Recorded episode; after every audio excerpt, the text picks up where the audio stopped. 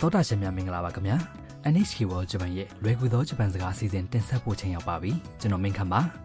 ကျမအပွင့်မှာဂျပန်စကားကိုအတူတူပျော်ပျော်ရွှင်ရွှင်သင်ယူကြပါစို့ ဒီကနေ့သင်ခန်းစာ7မှာကိုလိုချင်တဲ့ပစ္စည်းရှိမရှိမေးမြန်းတဲ့အသုံးအနှုန်းကိုလေ့လာပါမယ်အစီအစဉ်နောက်ပိုင်းမှာတိုကျိုမြို့ရဲ့နာမည်ကျော်လေပတ်စရာနေရာအာဆာကုဆာအကြောင်းမိတ်ဆက်ပေးပါမယ် ဒီဇလန်ရဲ့အဓိကဇာတ်ကောင်ကဗီယက်နမ်ကလာတဲ့အကြောင်းသူဟာရူဆန်ဟောက်စ်မှာနေနေတဲ့ထမ်ဖြစ်ပါတယ်ထမ်ဟာဟာရူဆန်ဟောက်စ်မှာအတူနေတဲ့တရုတ်လူမျိုးဓာတ်ပုံဆရာမမိယာနဲ့အတူအာဆာကုဆာကိုရောက်နေပါတယ်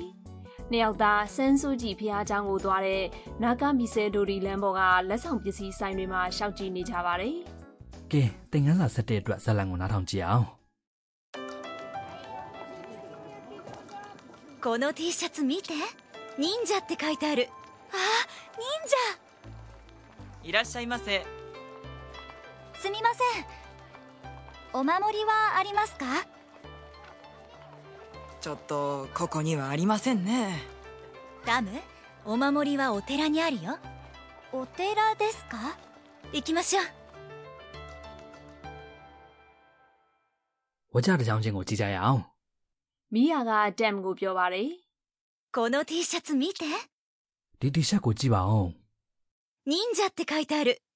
Ninja လို့ရေးထားတယ် တီရှပ်ကိုကြည့်လိုက်ပြီးတမ်ကပြောလိုက်ပါတယ် ああ忍 ဟေး Ninja အယောင်းဝင်နှန်းကပြောလိုက်ပါတယ် いらっしゃいませ ကြိုးစားပါတယ် ။တမ်ကမေးလိုက်ပါတယ် 者すみませんお守りはありますか တစ်စိတ်လောက်အဆောင်ပစ္စည်းများရှိပါသလား ။အယောင်းဝင်နှန်းကပြန်ပြောပါတယ် ちょっとここにはありませんね အဲ့ဒါတော့ဒီမှာမရှိပါဘူး ။မိယာကတမ်ကိုပြောပါတယ် ダムお守りはお寺にあるよ တမ်အဆောင်ကဘုရားကျောင်းမှာရှိတယ်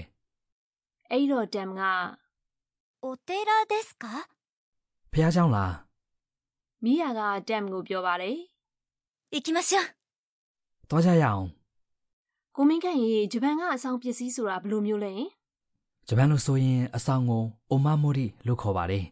နက်ကွန်တွေဘုရားကျောင်းတွေမှာရနိုင်ပါတယ်စောင့်ထားလို့ရှိရင်မကောင်းတဲ့ဘေးရန်အညံ့တွေကနေကာဝယ်ပေးတယ်ကံကောင်းစေတယ်လို့ယုံကြည်ကြပါတယ်တမ်ရှာနေတာကတော့အိတ်သေးသေးလေးနဲ့ထည့်ထားတဲ့အဆောင်ပုံစံမျိုးပါမပွင့်ရေး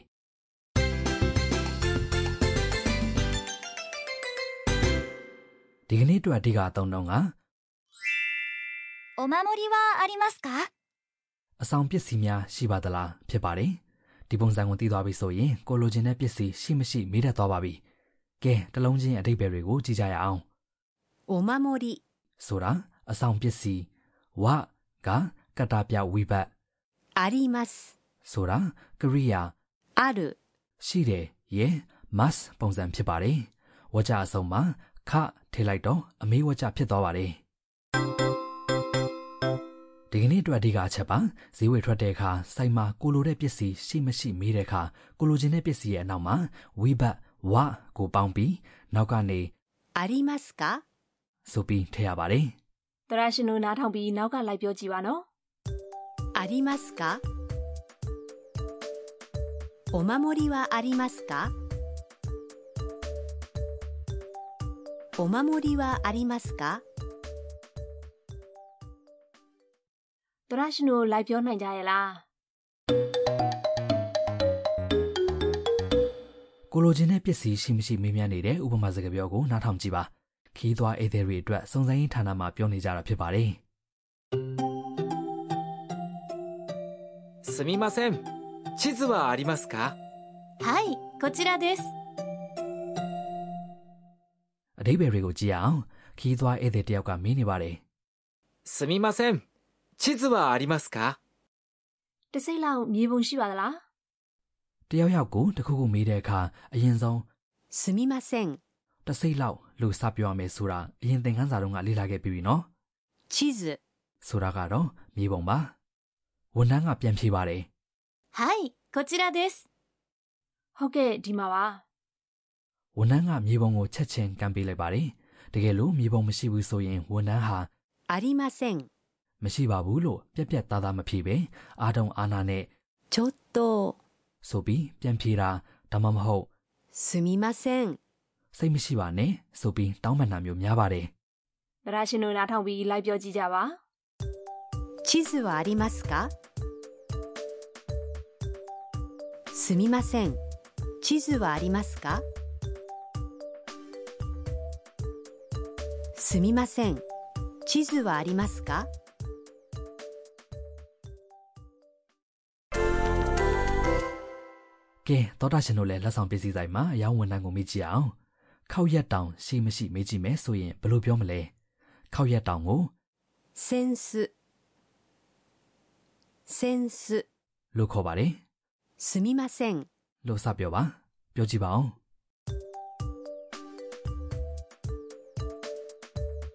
すみません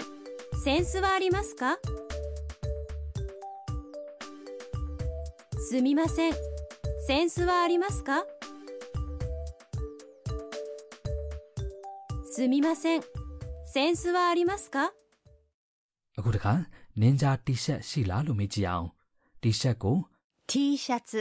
လို့ခေါ်ပါတယ်။နင်ဂျာတီရှပ်ဆိုတာကိုတော့အလယ်မှာဝိဘတ် no ထည့်ပြီး 忍者の T シャツ忍者の T シャツ လို့ပြောရပါမယ်။ပြောကြည့်ပါ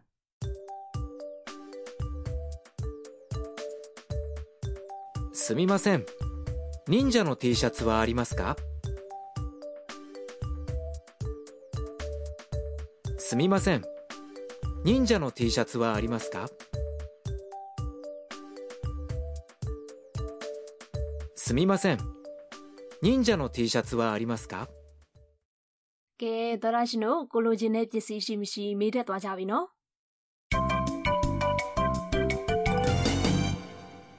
။ဒီကနေ့အတွက်အပိုစုစကားကအယောင်းဝန်ထမ်းပြောလိုက်တဲ့စကားစုပါအလွတ်မှတ်ထားကြပါနော်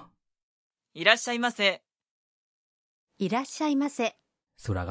ကြိုးဆိုပါတယ်ဖြစ်ပါတယ်။ဈေးဆိုင်တွေစားတောက်ဆိုင်တွေမှာဆိုင်တွေကိုဝယ်သူဝင်လာတဲ့အခါကြိုးဆိုနှုတ်ဆက်တဲ့အနေနဲ့ပထမဆုံးပြောလို့ရှိတဲ့စကားဖြစ်ပါတယ် တာမန်လူတွေပြောထားတာကိုနားထောင်ကြည့်ပါ いらっしゃいませ。いらっしゃいませ。いらっしゃいま။せ。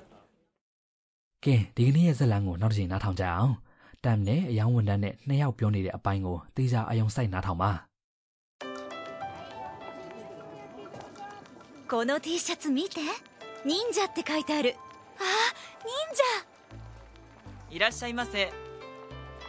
すみませんお守りはありますかちょっと、ここにはありませんね。ダムお守りはお寺にあるよお寺ですか行きましょう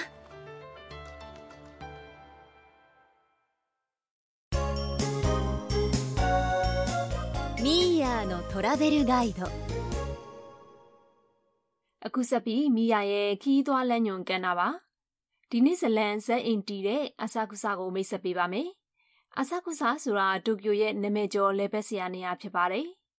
တိုကျိုရှိပိုင်းမှာရှိတဲ့အာဆာကုဆာဟာခီးသွွားဧည့်သည်တွေနဲ့အမြဲတက်ဝင်လှုပ်ရှားနေပါတယ်။ထင်းကနေမြင်နိုင်တဲ့အနီရောင်မီးအိမ်အကြီးကြီးရှိတဲ့ခါမီနာရီမွန်တကားပေါက်ကတော့ဆန်ဆိုကြီးဘုရားကျောင်းရဲ့ဝင်းပေါက်ဖြစ်ပါတယ်။အဲဒီနေရာကနေဆန်ဆိုကြီးဘုရားကျောင်းကြီးရဲ့ပင်မခမ်းမဆောင်ကြီးထိဆက်သွယ်ပေးထားတဲ့နာကာမီဆေဒိုဒီလမ်းကမီတာ250လောက်ကိုရှည်လျားပါတယ်။ အဲ့လန်တစ်လျှောက်မှာဆိုင်တွေအများကြီးရှိတာပေါ့နော် ဟုတ်တယ်လမ်းရဲ့တစ်ဖက်တစ်ချက်မှာတော့လက်ဆောင်ပစ္စည်းဆိုင်မုံဆိုင်စတဲ့ဆိုင်တွေအများကြီးတန်းစီရှိနေပါတယ်လက်နဲ့လုပ်ပြီးမိခင်ထားတဲ့စင်ဘယ်ဆမ်မုံကျွတ်နင်းယောယကိလို့ခေါ်တယ်အထဲမှာအနီရောင်ပဲနဲ့ချိုတွေထပ်ပနာထားတဲ့အယုတ်ပုံမုံနောက်ပြီးတီရှပ်ခောက်ရက်တောင်ထမင်းစားတူစသဖြင့်လက်ဆောင်ပစ္စည်းဆိုင်တွေအများကြီးရှိပါတယ် ကြားရတာနဲ့တင်အဲ့ဒီမှာဈေးဝယ်ခြင်းစိတ်ပေါက်လာပြီ သွားလေပါခင်ဗျာအေးနာဂမီဆေတို့ဒီလမ်းဆုံးရင်တော့စင်းဆိုကြီးဖះเจ้าရဲ့ပင်မခမ်းမဆောင်ရှိတဲ့နေရာကိုရောက်ပါပြီ နောက်ပြီးဒီဖျားเจ้าကနေလမ်းလျှောက်သွားလို့ရတဲ့အကွာဝေးမှာပဲတိုကျို Sky Tree လည်းရှိပါသေးတယ်။ခီးသွားဧည့်သည်တွေဒီနှစ်နေရာကိုတစ်ဆက်တည်းအလဲသွားတာများပါတယ်။သောတာရှင်တို့လည်းလာလေကြည့်ကြဖို့ဖိတ်ခေါ်ပါတယ်ခင်ဗျာ